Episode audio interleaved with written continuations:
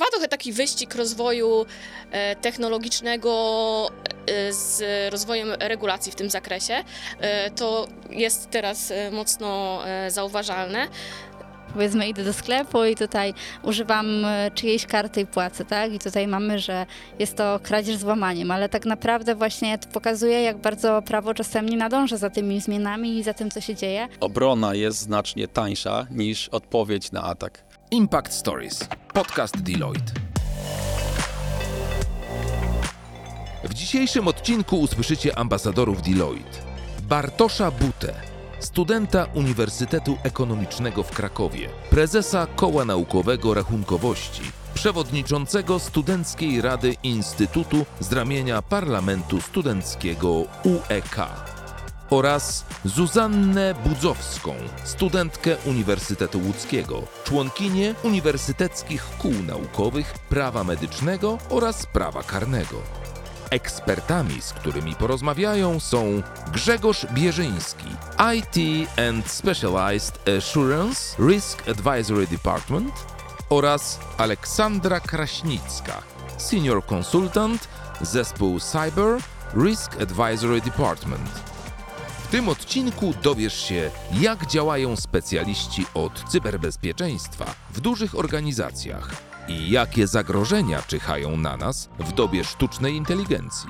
Posłuchaj Impact Stories. Czy w cyberbezpieczeństwie konieczna jest y, współpraca kilku działów, na przykład działu prawnego z działem finansowym albo też na przykład z informatycznym? Tak, zdecydowanie. Ja też jestem przykładem e, takiej, e, takiego człowieka w cyber, który jest nietechniczny, e, bo jestem prawnikiem e, i e, właśnie zdecydowanie współpraca osób technicznych, nietechnicznych, działów finansowych, prawnych jest konieczna, jest przydatna i wydaje mi się, że to połączenie też dobrze działa. Tak, no bezdyskusyjnie w zasadzie w cyberbezpieczeństwie mamy dużo procedur, e, więc e, najpierw trzeba je sformułować technicznie, potem nietechnicznie, muszą być zrozumiałe, ktoś to musi jakoś sensownie sformatować. Zapewne trzeba to potem odłożyć na te wymagania prawne, które są dookoła nas, więc wtedy Ola ma swoją robotę do wykonania. E, No i później egzekucja tego, zarówno pod względem technologicznym, jak i pod względem prawnym. Więc, więc jak najbardziej. Realizacja jakichkolwiek wdrożeń to oczywiście koszty, więc finanse muszą się też nad tematem pochylić. Bardzo często e, kombinujemy pomiędzy podziałem czegoś na koszty takie stałe, zmienne, próbujemy to odnieść w czasie, być może pewne rzeczy leasingować, niektóre rzeczy subskrybować. E, Nie da się wszystkiego zrobić samodzielnie, więc te koszty mogą w różny sposób wyglądać. Okej, super. A jeśli chodzi o e, firmę czy, czy powiedzmy biznes, to przed czym my tak naprawdę się chronimy? Przed czym się zabezpieczamy? I jakie dane są najbardziej narażone? No, tutaj nie ma tak jednoznacznego stwierdzenia, jaki rodzaj danych jest najbardziej dla nas krytyczny. E, dlatego, że zarówno utrata wizerunku, nawet z powodu wycieku jakichś bardzo prostych danych, e, jest dotkliwa dla organizacji, jak i bardzo krytyczna. Na przykład zamiana numeru rachunku e, i potem przekierowanie przelewu w niewłaściwym kierunku też będzie jakimś tam e, dużym obciążeniem. Więc e, każdy rodzaj danych jest e, pilnie chroniony w sposób taki no, dosyć, dosyć intensywny. E, a jeszcze teraz dochodząc do, do tych kwestii prawnych, no to tutaj się zrobiło znacznie więcej wymagań e, procedury i, i inne kwestie. Tak, musimy się chronić również przed gniewem e, regulatorów w branżach regulowanych, więc no, firmy starają się jednak te wymagania spełniać, nałożone na nim przez regulacje. Tak jak Grzegorz już wspomniał, też no, te problemy reputacyjne mogą się pojawić przy e, jakichś atakach e, nieopanowanych albo atakach, które skutkują e, utratą ciągłości działania albo wyciekiem e, dużej ilości danych. Także no, jest co chronić, jest przed czym się chronić, e, a my staramy się pomagać. To w takim razie, co możemy zrobić, jeżeli już padniemy ofiarą takiego ataku, czy właśnie wycieku naszych danych? No, w zależności od tego, czy, czy mówimy o naszych e, prywatnych danych, naszych prywatnych kontach, e, usługach i narzędziach, z których korzystamy, czy w, e, czy w firmie, zawsze mamy e, jakąś instytucję, do której powinniśmy się zgłosić. E, I na pewno mamy potrzebę zweryfikowania, e, gdzie, jakie konta są chronione podobnymi hasłami. I tak naprawdę nie warto myśleć o tym, co zrobić, jak się już zdarzy. Warto pomyśleć trochę wcześniej, jak się do tego przygotować. Czyli jeżeli ja sobie zdam sprawę, że ja w zasadzie korzystam pewnie w większości przypadków z podobnego konta albo nawet z tego samego konta do logowania się, no bo tak jest łatwiej, na przykład, nie wiem, czy, czy Google'owego, czy, czy, czy, czy Metowego, czy jakiegokolwiek innego, no to z całą pewnością to będzie mój słaby punkt, tak? Więc jeżeli ja tam gdzieś utracę dostępy, to bardzo szeroko rozleje mi się e, taki powiedzmy, że surface ataku, tak? gdzie, gdzie, gdzie większość moich kont, usług i tak dalej zostanie przejętych. E, jak, jak sobie zdamy z tego sprawę, to się będziemy w stanie do tego lepiej przygotować. Ale realnie, organizacyjnie są całe procedury, które właśnie nasze działy prawne pilnują i opowiadają i robią szkolenia i tak dalej, nie? Tak, tak. Więc kontynuując wątek e, regulacji, e, tutaj niektóre regulacje wymagają e, specyficznego sposobu przygotowania się na konkretne ataki. Oczekują też regulatorzy w niektórych branżach pewnego poziomu odporności takiej cybernetycznej. no a jeżeli chodzi o to, jak my jako osoby prywatne możemy się chronić przed takimi atakami, no to musimy zachowywać sporo zdrowego rozsądku, e, korzystając e, z sieci, z aplikacji mobilnych e, oraz ze spokojem podchodzić do potencjalnych ataków albo podejrzenia, że możemy być e, celem ataku, bo to też panika, e, stres na pewno nie służy zachowaniu właśnie tej chłodnej głowy i zdrowego rozsądku. Czy można powiedzieć, że aplikacje mobilne są bezpieczniejsze od stron internetowych, od naszych kont na stronach internetowych? No niestety nie jest to jednoznaczne. E, nie wszystkie aplikacje są w właściwy sposób produkowane, e, a trzeba też zwrócić uwagę na to, że aplikacja mobilna jest składana z poszczególnych elementów, tak w uproszczeniu mówiąc. Czyli możemy sobie wyobrazić, że są pewne zależności od bibliotek, które najczęściej wywodzą się z open source'u. Open source też jest gdzieś tam powiązany z pozytywnymi i negatywnymi metodami dostarczania oprogramowania. Więc można w bardzo prosty sposób udostępnić programistom fajną bibliotekę, która będzie spełniała pewne oczekiwania, rozwiązywała pewien problem, a jednocześnie będzie swego rodzaju trojanem, tak? E, więc wbudowanie takich, e, takich rozwiązań i wysłanie tego do, do sklepów masowego, e, masowego dostarczania oprogramowania, no to, no to mamy taki efekt, że mamy szeroką skalę dostępu. Bardzo często aplikacje mobilne są wykorzystywane do DDoSów, to znaczy nasze urządzenia w jakikolwiek sposób są wykorzystywane do tego, żeby atakować atakować inne serwisy. E, a wbrew pozorom bardzo łatwo jest stworzyć grę, która zainteresuje e, i wciągnie, a później się okaże, że rzeczywiście my uczestniczyliśmy w jakimś procederze, tak? Tak więc y, warto weryfikować. I to niezależnie od tego, czy wchodzimy na stronę internetową, czy korzystamy z aplikacji, warto weryfikować, co my ściągnęliśmy, w jaki sposób sobie z tym poradziliśmy. A dodatkowo jeszcze mogę dorzucić taki off-topic, y, jeśli mam aplikację mobilną zainstalowaną z, z właściwego pochodzenia i właściwego źródła, to nie znaczy, że za jakiś czas ktoś nie przejmie tego kawałka storage'u i nie wrzuci tam swojej aplikacji. Kontynuując wątek technologii, jakie technologie, powiedzmy, będą zagrażały nam w naszym stopniu? Czy, sztucz, czy należy się bać sztucznej inteligencji na przykład? Ach, to jest piękne pytanie. E, no idąc tą stroną, to można powiedzieć, że nasi dziadkowie bali się kombajnów na polach, także raczej byśmy daleko nie zajechali. E, wszystko, co mamy dookoła siebie, możemy wykorzystywać w pozytywny, negatywny sposób. Nie bójmy się, raczej załóżmy z góry, że i tak nas dotknie jakiś atak w taki czy inny sposób, w taki, a nie inny sposób być może będziemy oszukiwani, więc jeżeli założymy z góry, że tak się dzieje, trochę zdrowego rozsądku i korzystajmy z tego, co jest. Jasne, dzięki. To może ja uzupełniając wątek e, sztucznej inteligencji i łącząc go z wątkiem regulacyjnym, e, dodam, że e, w Unii Europejskiej trwają teraz prace nad AI Act, czyli regulacją, która ma stworzyć takie ramy prawne dla właśnie rozwoju sztucznej inteligencji. Więc mam nadzieję, że, że to też pomoże zachowaniu pewnego poziomu bezpieczeństwa przy używaniu właśnie produktów stworzonych na bazie albo z użyciem e, sztucznej inteligencji. Tak, no tutaj też y, pamiętajmy o tym, że e, wykorzystanie sztucznej inteligencji w taki dowolny sposób e, niesie ze sobą pewne konsekwencje, takie powiedzmy, że ekologiczne również. E, mamy teraz, no mieliśmy hype na e, blockchain, teraz mamy hype na, na sztuczną. E, coraz więcej jest serwisów, które udostępniają aplikacje do instalacji na komputerach gamingowych, żeby uczestniczyć w procesie generowania jakiego, jakiegokolwiek rodzaju treści, czyli tak naprawdę ja udostępniam sprzęt, ale nie wiem właściwie, co tam będzie produkowane.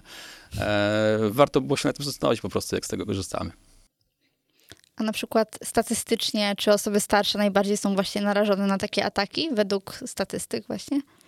E, według statystyk tak nie jest, dlatego że no nie jest to banalny problem. Trudno zmierzyć starsze osoby, e, jeszcze pomijając grupę, e, ustalenie grupy wiekowej, to trudno zmierzyć się starsze osoby, ponieważ one korzystają z różnych innych rodzajów narzędzi i rzadziej korzystają z narzędzi, które są tak naprawdę masowo wykorzystywane przez sztuczną inteligencję. W sensie dostarczanie krótkich treści na portalach społecznościowych, tych bardziej nowoczesnych, już nie wymieniając ich z nazwy, jest szersze, jest znacznie bardziej rozpowszechnione, a korzystanie z takich klasycznych, generowanie treści klasycznych na klasycznych stronach internetowych jest jednak, jednak w mniejszym stopniu wykorzystywane.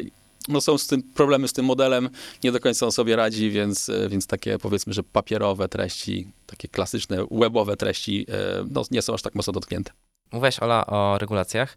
Jak uregulować sztuczną inteligencję? Są już jakieś pomysły na ten temat? Tak, jak najbardziej. E, treść e, AI Aktu już e, wstępnie e, została ustalona. E, to nie jest jeszcze obowiązujący akt. Natomiast nie jest to zadanie proste. Prace, mimo że przyspieszone, nadal trwały bardzo długo, wydaje mi się, że ponad dwa lata. Jest to też o tyle trudne, że po pierwsze mm, trzeba osiągnąć jakiś konsensus co do treści tego aktu. Po drugie, no tutaj regulujemy tylko ten swój skrawek europejski, natomiast mm, trzeba brać pod uwagę chyba szerszy kontekst globalny, natomiast y, wpływu na e, regulacje globalne nie mamy, na przykład na to, co się dzieje w Stanach, w Chinach, a użycie sztucznej inteligencji jest y, e, no jest po prostu powszechne, jest globalne, e, więc tutaj mamy ten element transgraniczny. Zobaczymy, jak to w praktyce wyjdzie. Tak naprawdę no, akt musi, jeżeli wejdzie w życie, on na pewno nie będzie idealny będzie jakąś tam podstawą pewnie do dalszych e, prac i rozważań nad tym, jak te możliwości, jak wykorzystanie sztucznej inteligencji e, uregulować e, tak, żeby to miało największy sens i było skuteczne i bezpieczne. Mm, sama jestem ciekawa, jak będzie to wyglądać w praktyce. Na pewno będzie to jakaś rewolucja, no, zobaczymy. Trudno teraz, e, trudno teraz ocenić, e, e, jaki będzie długofalowy skutek tej regulacji, natomiast dobrze, że coś się dzieje, jest to jakiś początek. Zobaczymy. Właśnie nawiązując też do tych regulacji, chciałabym tutaj zapytać tak naprawdę, jak i przed czym najbardziej chcemy zabezpieczać firmy z perspektywy tutaj właśnie biznesu jeśli chodzi o firmy, to zawsze mamy dwa obszary. E, z jednej strony mówimy o po prostu dostępie do danych, e, z drugiej strony mówimy o tym, e, w jaki sposób ta organizacja będzie zarządzała swoimi finansami, czyli jak będzie chroniła swoje, swoje finanse. Firmy są wbrew pozorom makołym kąskiem, szczególnie dla takich ataków klasycznych ransomware'owych, które, które z wykorzystaniem właśnie szybszych narzędzi typu sztuczna inteligencja są łatwiejsze do wykonania. No próg, powiedzmy, że wejścia w technologię jest już teraz znacznie niższy, więc osoby bardzo często młodsze, niekoniecznie świadome tego, co robią, generują różnego rodzaju, e, no wykorzystując gotowe narzędzia, tak naprawdę generują różnego rodzaju e, metody ataku. E, wykorzystują to, e, dostają jakieś efekty, e, bardzo często e, szyfrując kawałek dysku dosłownie losowo, niekoniecznie skutecznie, no próbują wyłudzać po prostu no, no wypłatę jakiegośkolwiek ekwiwalentu za, za klucz deszyfrujący. No ale z drugiej strony jest tak, że jeżeli mi się nie uda, e, w sensie atakującemu, e, no to bardzo często te dane są po prostu publiczniane i, i jest utrata wizerunku, więc, więc, e, więc tak czy inaczej firma ma wiele do stracenia. I jak dzisiaj przyglądając się temu, jak firmy reagują na te nowe regulacje, widzę, że faktycznie otwieramy coraz bardziej oczy i widać, że będzie dosyć duże zapotrzebowanie na rynku osób, które no mniej więcej stoją na pograniczu tych technologii i i prawa, tak jak Ola, bo po prostu wpadamy w panikę, tak? Jak takie 30% organizacji w Polsce nie rozumie, co to jest ta nowa regulacja, ta jakaś nowa regulacja. Ja nie wiem, co właściwie mam zrobić, tak?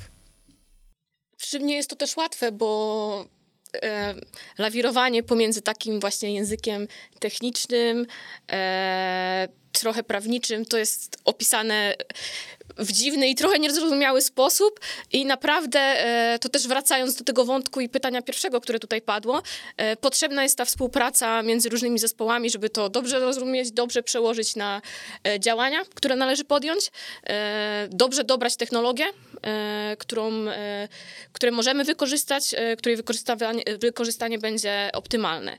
Więc e, no, jest to dość skomplikowany proces. To jeśli kontynuując już, już faktycznie e, cały czas wątek technologiczno-prawniczy, czy nowe technologie faktycznie stymulują tą potrzebę nowych regulacji? Czy jest szansa na nową technologię, która powiedzmy będzie w tym obszarze regulacji stworzonych wcześniej? Regulacje są te w zakresie nowych technologii tworzone w sposób e, neutralny technologicznie. Te normy, te przepisy powinny być stworzone w taki sposób, żeby były jak najdłużej aktualne i żeby ten rozwój technologii nie sprawiał, że nagle e, nie, nie będziemy mogli zastosować e, jakichś wymogów, bo one będą po prostu nieaktualne w aktualnym stanie technologicznym. E, Trwa trochę taki wyścig rozwoju e, technologicznego e, z rozwojem regulacji w tym zakresie. To jest teraz mocno zauważalne.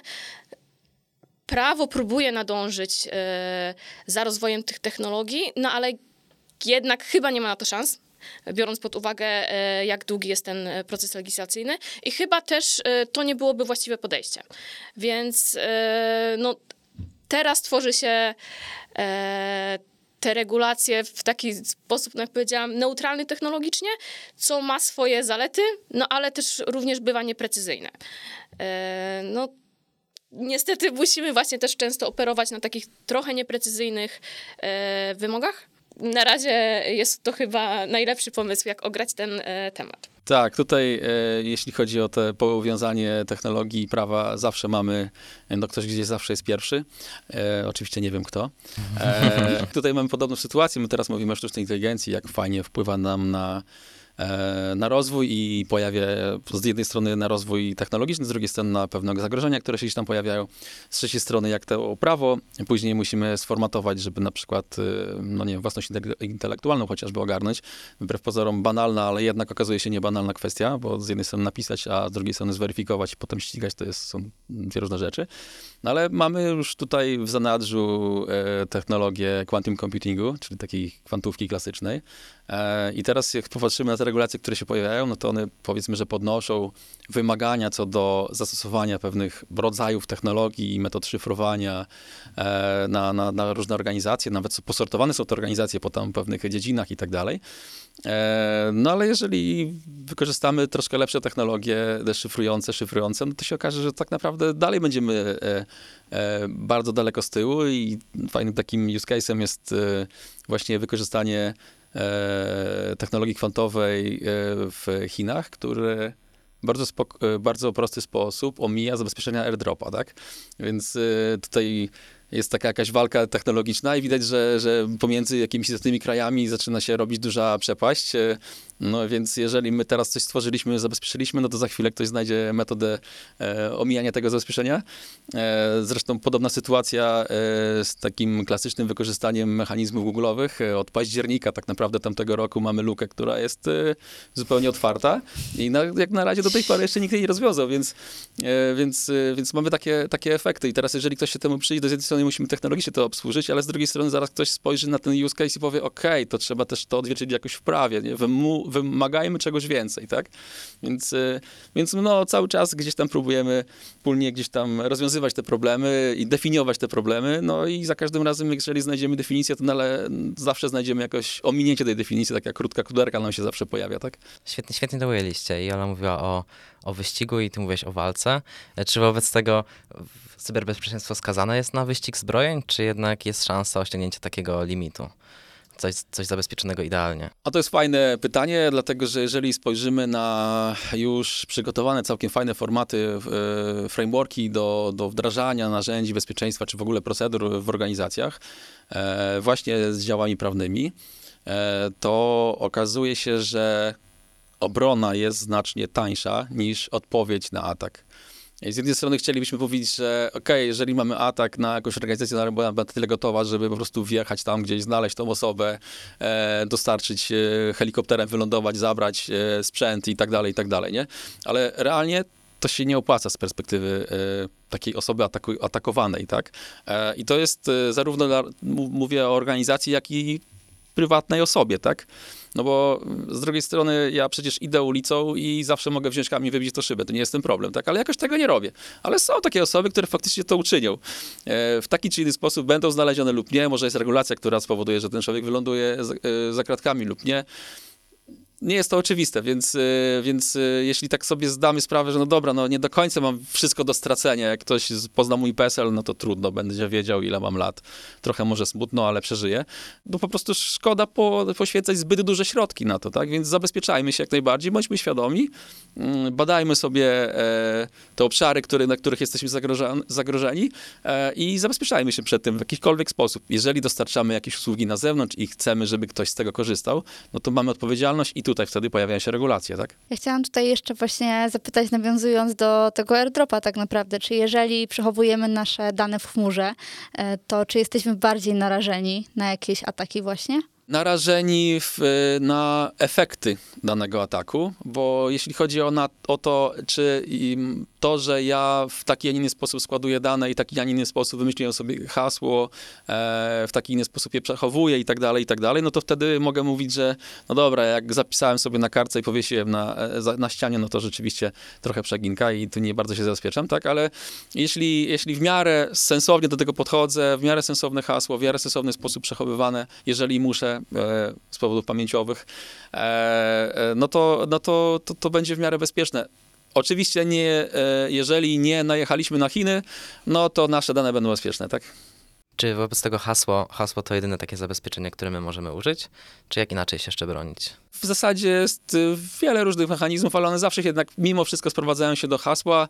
E, tutaj ta luka, o której wspomniałem, jeśli chodzi o, e, o dostęp do Google'a, to akurat jest token, który e, jest przechowywany w ciasteczku, więc wydaje się takie stare, proste rozwiązania jednak. Więc, y, więc tutaj w tym przypadku ja nawet nie potrzebuję czegoś hasła, potrzebuję tylko ten token, tak? Więc y, no, no nie, ma, nie ma idealnego rozwiązania. Zawsze na koniec końców jest jakiś ciąg znaków. Czyli tak naprawdę to uwierzytelnianie dwuskładnikowe też nie zwiększa jakoś w sposób znaczny naszej ochrony na przykład? Zwiększa jak najbardziej. E, jakby nie było, będziemy mieli dwie różne metody uwierzytelniania, ale nie rozwiązuje wszystkich problemów. Trzeba zawsze mieć świadomość tego, że gdzieś jest jakaś granica. To nawiązując jeszcze do świata biznesu, dlaczego właśnie organizacje zdecydowały się inwestować bardzo dużo w cyberbezpieczeństwo? Przede wszystkim dlatego, że Teraz bardzo dużo się mówi o cyberbezpieczeństwie. Nastąpił e, dość dynamiczny rozwój tej dziedziny i organizacje są coraz bardziej e, świadome tego, że no, muszą się zabezpieczać. E, są świadome, część organizacji jest świadomych dlatego, że to zostało na nich wymuszone, szczególnie w branżach regulowanych. E, są przepisy, które określają, e, w jaki sposób organizacje powinny się zabezpieczać, e, jaki poziom tej cyberodpowiedzialności powinny osiągnąć, przez co staje się to też standardem rynkowym. Nawet organizacje, które nie są stricte zobowiązane do dbania o swoje cyberbezpieczeństwo albo do osiągnięcia konkretnego poziomu, no bo do dbania o y, zasoby i o dane są w zasadzie zobowiązani wszyscy. E, natomiast e, no, organizacje e, dążą po prostu do osiągnięcia jakiegoś standardu e, w tym zakresie, tak żeby też być odpowiednimi partnerami biznesowymi dla e, innych organizacji e, i żeby unikać niepotrzebnych problemów.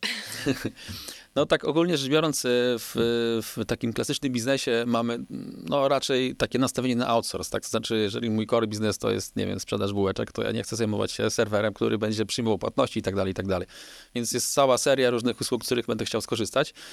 No i teraz, jeżeli ja się na tym zupełnie nie znam, e, to fajnie, że mam regulację, którą przynajmniej przeczytam, albo poproszę kogoś, żeby to przeczytał i poproszę kogoś, żeby zweryfikował moich partnerów, czy oni są zgodni z tymi regulacjami, czy nie.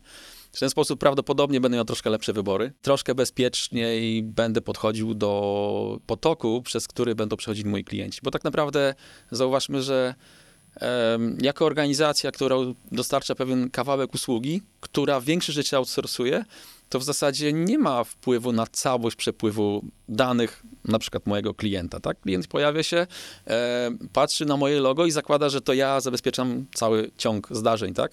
A realnie jest tak, że pod spodem są różne firmy. Trochę to jest tak, że ten outsource polega na e, outsourcie również odpowiedzialności, ale z drugiej strony jest tak, że e, jeśli outsourcuje odpowiedzialność, to tylko w zakresie, który jest uregulowany.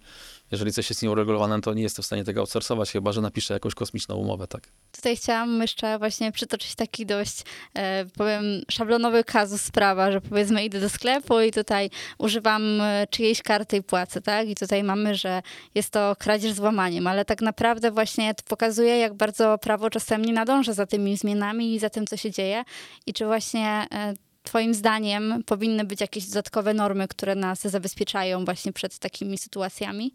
Na pewno można jeszcze parę, e, parę tutaj rzeczy uregulować.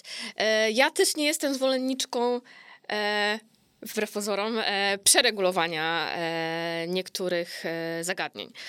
E, wydaje mi się, że też e, do regulacji należy podejść zdroworozsądkowo. E, bardzo mi się podoba, że e, stawia się teraz e, duży nacisk na to, żeby organizacje na przykład edukowały swoich klientów, na przykład e, e, instytucje finansowe, e, żeby edukowały e, swoich klientów w zakresie tego, jak powinni się zachowywać e, wobec cyberataków na przykład. Jaki mają, żeby, żeby klienci też rozumieli, w jaki sposób organizacje dbają o ich bezpieczeństwo. E, tak właśnie też e, wracając do tego wątku e, aplikacji mobilnych, to też jest kwestia zaufania do mm, banku, że dostarcza nam aplikację bezpieczną, że my możemy z niej korzystać, że jeżeli zainstalujemy to na swoim urządzeniu mobilnym, że to jest coś, z czego możemy skorzystać i nasze pieniądze są bezpieczne, nawet jeżeli używamy czegoś, jakiejś aplikacji, której nie do, e, co do której nie mamy pewności, jak jest skonstruowana, no bo nie musimy tego rozumieć. Po prostu ta kwestia zaufania i budowania tego zaufania e, swoich klientów e, też jest bardzo ważna i wydaje mi się, e, że, że to jest taki aspekt, w który organizacje też powinny inwestować. No to jest ten, ten, ten drugi niefinansowy aspekt, tak? Zaufanie to jest taki aset, który, który łatwo stracić. I faktycznie, jeżeli my podejdziemy do budowania, dostarczania jakichś usług, czy nawet właśnie tej aplikacji w taki dosyć obojętny sposób, czy, czy niewłaściwy, niewystarczający, no to efekt końcowy będzie taki, że, że nasi klienci po prostu odejdą do innych organizacji, którym bardziej ufają. Zaufanie wynika trochę z działania, tak? Czyli jak wiemy, że konkretny bank podejmuje jakieś konkretne działania, żeby zapewnić nam ochronę, to czujemy się bezpieczniej. E, Ty, jak, jak prześledziłem twoją karierę, Grzesiek, to mówiłeś, znaczy to mówiłeś, internet mi o tym powiedział akurat, że byłeś częścią zespołu Red Team. E, To tak nawiązując jeszcze do właśnie działań, które firmy podejmują, żeby się chronić przed różnymi zagrożeniami z zewnątrz, e, co mógłbyś nam opowiedzieć o właśnie Red Team versus Blue Team i o całym white hackingu? Super fan, po pierwsze. E, A dzięki temu, że właśnie pojawiły się wymagania, regulacje, mamy jeszcze więcej takiej odpowiedzialnej pracy. E, O ile wcześniej to świat wyglądał w ten sposób, że ok, mam tutaj sobie aplikację, dam sobie jakąś nagrodę za znalezienie luki. No i szaleni studenci siedzą i klikają, aż znajdą lukę. Więc jak już się znalazła, no to bardzo chciałbym tego nie wiedzieć, ale jak już to wiem, to naprawię. Tak to, tak to mniej więcej wyglądało, więc dzisiaj też organizacje spotykamy z takim, e, z takim się odbiorem, że no okej, nie chciałbym robić pentestów, bo jeżeli wyjdzie coś z tego, no to będę musiał zainwestować, żeby to naprawić. Tak, trochę nie bardzo się opłaca. Więc, e, więc tak to wyglądało wcześniej. Teraz te regulacje zmuszają organizacje do, do wykonywania takich badań e, i tak w naszym żywym, na naszym żywym organizmie możemy spojrzeć na rynek samochodów, części samochodowych gdzie dostarczanie części kiedyś było standardem. E, już nawet elektryczne lusterko miało moduł CAN, więc w zasadzie podchodziłem do samochodu, zdejmowałem osłonę, podpinałem się i mogłem sobie jechać samochodem, tak? Teraz już, e, okej, zanim wprowadzimy taki produkt, warto było zbadać, w jaki sposób on wpływa na resztę zależności tych komponentów, które tam się znajdują. E, no i jeżeli znajdujemy jakieś luki, to musimy je naprawić i teraz ta odpowiedzialność została przeniesiona troszkę na tego dostawcę, tak? To znaczy, jak ja produkuję i zrobiłem pentesty, to dalej nie zwalniam mnie to z odpowiedzialności przed lukami, które zostaną dalej wykryte. Więc jeżeli zrobię je niewłaściwie albo zaprzestanę ich, to zapewne wcześniej czy później coś się nowego pojawi. Więc, e, więc teraz jest fajniej.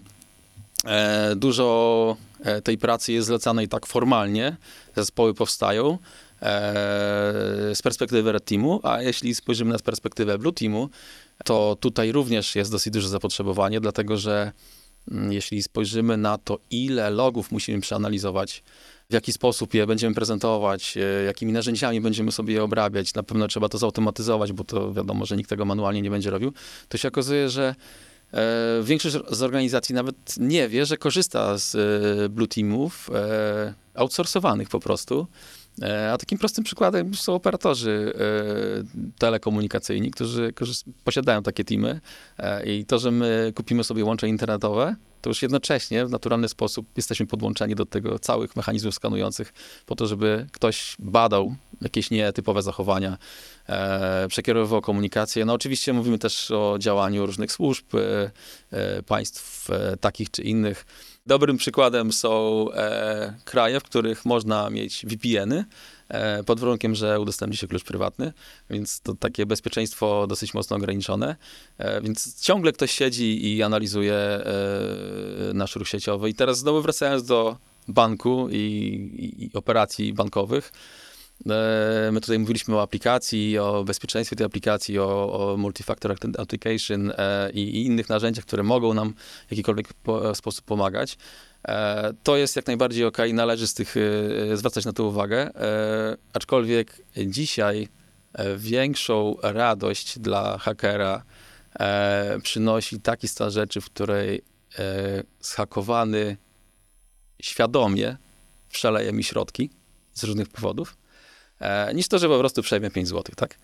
E, I w tej chwili te działania, które, e, które są mm, no, postępujące, szczególnie właśnie możli z możliwością generowania dużego, dużej ilości treści i trafiania do dużej grupy ludzi poprzez właśnie mechanizmy sztucznej i, i inne narzędzia, pozwalają nam na to, żebyśmy mogli wykreować jakąkolwiek myśl, nawet wprowadzić pew, pewną osobę w taki stan e, zagrożenia jakiejś prywatności, która spowoduje, że no, no okej, okay, no to tam te 1000 zł czy 100 zł to nie będzie dla mnie jakimś e, wielkim oporem, e, przeleję te środki, tak? I wtedy to jest tak naprawdę fan i, i tego należałoby się bardziej obawiać. Właśnie, bo cyberbezpieczeństwo to jest y, przede wszystkim wymiar technologiczny, ale również socjologiczny i na przykład jak tutaj i też ze strony prawnej, jak i takiej technicznej można pomóc takim ofiarom, aby nie podejmowały nieracjonalnych kroków właśnie na przykład ze względu lęku czy, czy obaw o swoje dobro. Chyba edukować ogólnie i uświadamiać. Ja mam taką myśl, bo no, za dużymi organizacjami stoją duże pieniądze, e, duże technologie i e, przestępcy też mają tego świadomość. Zwykły człowiek może być nieświadomy zagrożeń, e, może być zmanipulowany przez takiego przestępcę, e, no i może tak naprawdę sam e, zarządzić nieświadomie swoimi środkami w taki sposób, e, że trafią one do przestępcy. Wiemy, że nie należy klikać w linki, a jednak zawsze niestety znajdzie się ktoś, kto to zrobi. No i na tym też przestępcy bazują, na tej masowości rozsyłania tych treści i na tym, że być może zdarzy się ktoś, kto jeszcze o tym nie słyszał i kto w stresie na przykład mm, przeleje te pieniądze człowiek jest tak skonstruowany, że gdzieś tam próbuje e, pracować między normami. E, czy to prawnymi, czy społecznymi, czy innymi, e, troszkę być może wzorcami osobowościowymi. E, I bardzo łatwo teraz e, przechodząc, e, profilując daną osobę, czyli jeżeli ja mm, no, w taki sposób dosyć transparentny, niezauważalny zbytnio zajrzę w profile danej osoby, to mniej więcej wiem, jakiego rodzaju treści go interesują, co jest gdzieś na pograniczu pewnych norm, które niekoniecznie muszą być jakieś na pograniczu norm, po prostu to jest jakiś wzorzec po prostu, tak? I, i, I wtedy można te obawy wzbudzić, tak? To znaczy zasugerować jakieś treści, e, wejście na jakieś linki, e, podciągnąć taką odpowiedzialność za na przykład kogoś innego, albo e, szczególnie przedświąteczny teraz świeży temat, e, bardzo łatwy sposób wykorzystywania tej takiej presji czasu, tak? Ktoś zamówił jakiś produkt, czeka na niego, więc okej, okay, jestem świadomy, że ten człowiek czeka na ten produkt, a jeżeli ja wiem na jaki produkt, to, to mogę wysłać mu bardziej spersonalizowaną tą treść twój konkretnie ten produkt czeka na twoją akcję, bo akurat, nie wiem, no adres się zmienił, albo niepoprawnie go wpisałeś, a może brakuje polskich znaków, a może ja zamienię kodowanie literki takiej i innej. E, i, I wtedy, okej, okay, no ja faktycznie no rzeczywiście tego potrzebuję, tak? No kliknę na ten link, zobaczę, co się stało. No i stało się, tak? Wtedy to są te efekty boczne, taki, e, taki standardowy mechanizm Zero Trust, czyli nie ufaj niczemu, jest ok. Oczywiście nie dajmy się zwariować, tak? Ale wykorzystujmy to. Patrzmy, co robimy, jeżeli nam na czymś bardzo zależy, to tym bardziej zwracajmy uwagę, co, e, co o tym czytamy i skąd się ta treść wzięła. Okej, okay, dużo rozmawiamy na temat e, tej strony właśnie poszkodowanej, e, jak się przy tym bronić. A co dla osób, które chcą w tym działać? Tu już mam, nie mam na myśli konkretnie hakerki, ale osób, które faktycznie budują te zabezpieczenia i je testują. Z jednej strony e, mamy cały szeroki zakres usług, których e, my korzystamy, których możemy potrzebować w przyszłości e, i też należy na nie spojrzeć z perspektywy tego, w jaki sposób można ich nadużywać. Czegokolwiek to by nie było, czy to jest wypożyczenie samochodów, czy to jest kupienie biletu na cokolwiek innego. E, I to jest no, na tyle szeroka dziedzina, że jeżeli spojrzymy na to, w jaki sposób my dostarczamy treść, to i grafik będzie miał sporo roboty, e, i prawnik będzie miał sporo e, roboty, i osoba techniczna. Tak więc warto popatrzeć na, na cyberbezpieczeństwo znacznie szerzej, nie tylko z perspektywy takiej, że siedzi sobie ktoś i pisze kod, ale też z perspektywy takiej, że siedzi sobie ktoś i pisze normy, tak, albo pewne ograniczenia. Jak będziemy to testowali, bardzo często testujemy to z perspektywy takiej użytkownika końcowego, który najlepiej jakby nie był techniczny, e, bo wtedy znacznie łatwiej będzie mu znajdowały się e, pewne niedomagania i problemy. No a później przekuć to na kwestie prawne, no to wiadomo, że e, wymaga zupełnie innego języka niż taki język, którego ja na przykład korzystam. Jasne, czyli w zasadzie w procesie zabezpieczeń każdy jest potrzebny. Jeżeli wybierzemy sobie jakikolwiek produkt, na pewno jest kawałek, w którym znajdziemy i prawnika, e, i lekarza, naprawdę lekarza, e, co jest niemożliwe, ale jednak, e, jak i, jak i jakieś po prostu bardzo proste kompetencje, które będą przeklikiwały coś. Tak, jest to zdecydowanie bardzo ciekawy obszar do rozwoju takiego zawodowego. E, i rozwijający e, różne kompetencje, zmuszający też do ciągłej nauki, bo, e, bo wszystko się dynamicznie rozwija i żeby, żebyśmy mogli za tym nadążyć i to zrozumieć, przynajmniej w takiej, na takim poziomie, który pozwoli nam w tym obszarze pracować, to trzeba dużo, dużo pracy w to włożyć i naprawdę mocno się tym zainteresować ale jest to na pewno ciekawy kierunek. Ja bym właśnie chciała jeszcze zapytać, jak wygląda Twoja praca właśnie związana z cyberbezpieczeństwem? Przychodząc ze środowiska czysto prawniczego do, na pogranicze e, prawa i technologii, naprawdę dużo musiałam się nauczyć, zaczynając od prostu zrozumienia podstawowych e, pojęć e, i języka, w jakim mówili do mnie e, znajomi z pracy. Mimo, że wszyscy posługiwaliśmy się w języku polskim albo angielskim. Więc bardzo trudno było mi na początku się w tym odnaleźć, ale rzeczywiście z czasem zauważyłam, że coraz łatwiej było mi łączyć te dwa światy.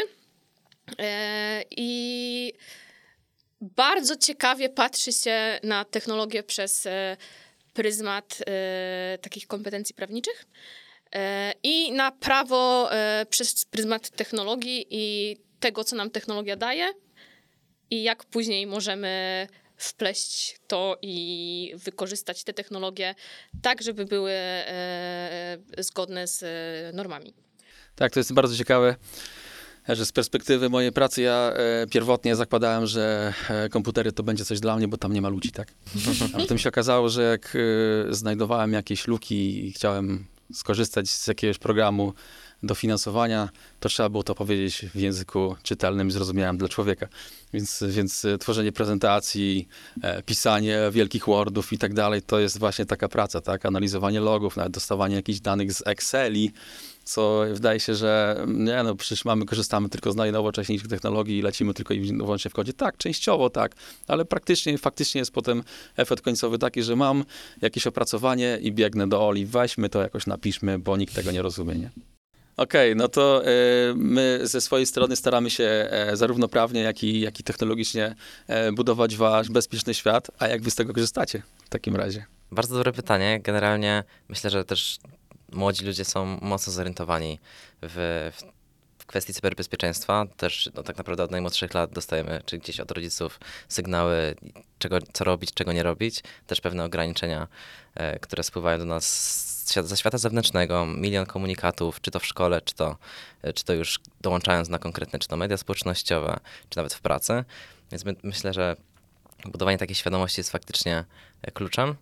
E, i ta świadomość gdzieś jest, natomiast no, świat nie jest idealny, więc zawsze gdzieś w, w, osoby w każdym wieku mogą być podatne na, na działania E, hakerskie, nieetyczne, czy, czy po prostu na swoje błędy. E, tutaj właśnie wydaje mi się, że tak jak Bartek też powiedział, my jesteśmy jako takie młode pokolenie nauczeni do pewnych rzeczy i mechanizmów, ale z drugiej strony sama często się na przykład na tym łapię, jak przeglądam gdzieś tam social media, że jednak często jeżeli chcę uzyskać jakąś informację bardzo prostą, albo na przykład jakieś tam informacje związane z polityką, to ja nie wiem, co jest prawdą, co jest fałszem i co jest prawdziwe, a co jest nieprawdziwe. Dlatego zawsze się zastanawiam, jakie mechanizmy muszą być wprowadzone, żebyśmy byli w stanie w ogóle to odróżnić. W jaki sposób sobie z takim problemem radzić? Wbrew pozorom e, niekoniecznie musimy dawać się mocno profilować. To znaczy są pewne silniki, które badają nasz ruch, analizują rogi e, i tak e, równie dobrze to może być osoba, która próbuje coś z tym złego zrobić, jak i osoba, która próbuje sprzedać te informacje firmom po prostu jako, jako narzędzie marketingowe.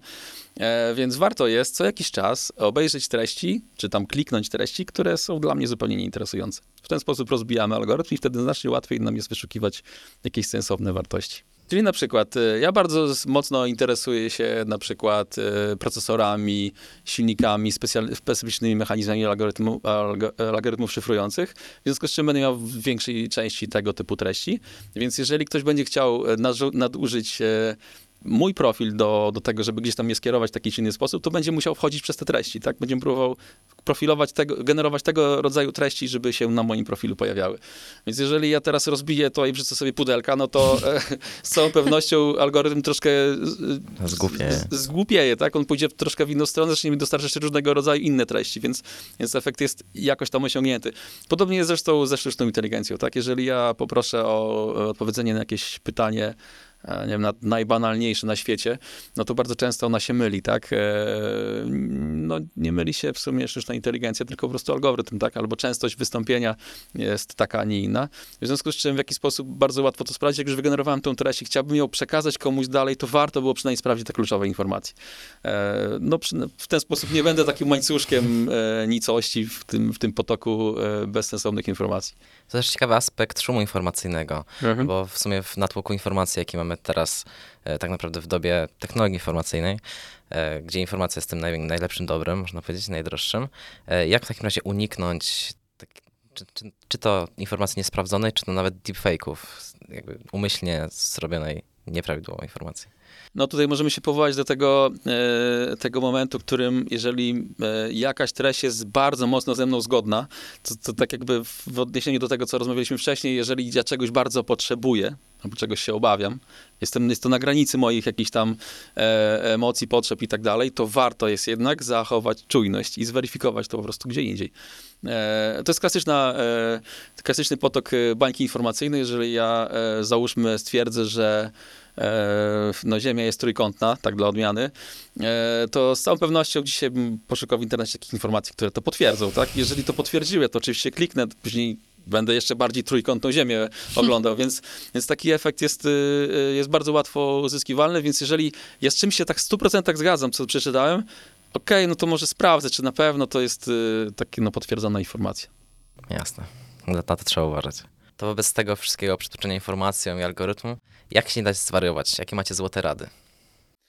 E, no, przede wszystkim miejmy świadomość tego, że e, możemy już być dawno zaatakowane. Nasze dane mogły już dawno wyciec e, e, i musimy mieć świadomość tego, że, że w związku z tym jakiś wpływ to na nas będzie miało.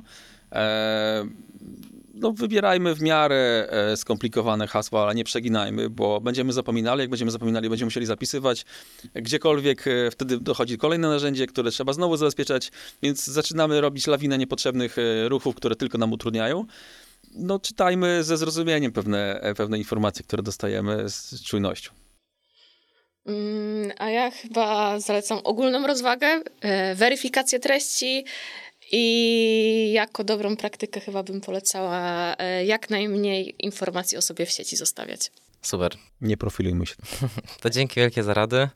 Ja lecę zmieniać wszystkie hasła i łamać algorytm. Mówi, żeby nie pokazywał mi samych procesorów, kart graficznych przy składaniu nowego komputera. Dzięki. To ja również dziękuję i właśnie będę też jakoś rozbijać swój algorytm. Dzięki. Dzięki.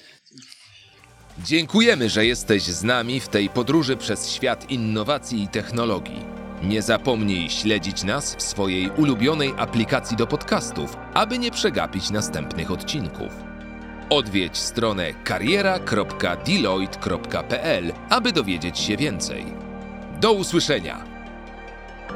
Impact Stories. Podcast Deloitte.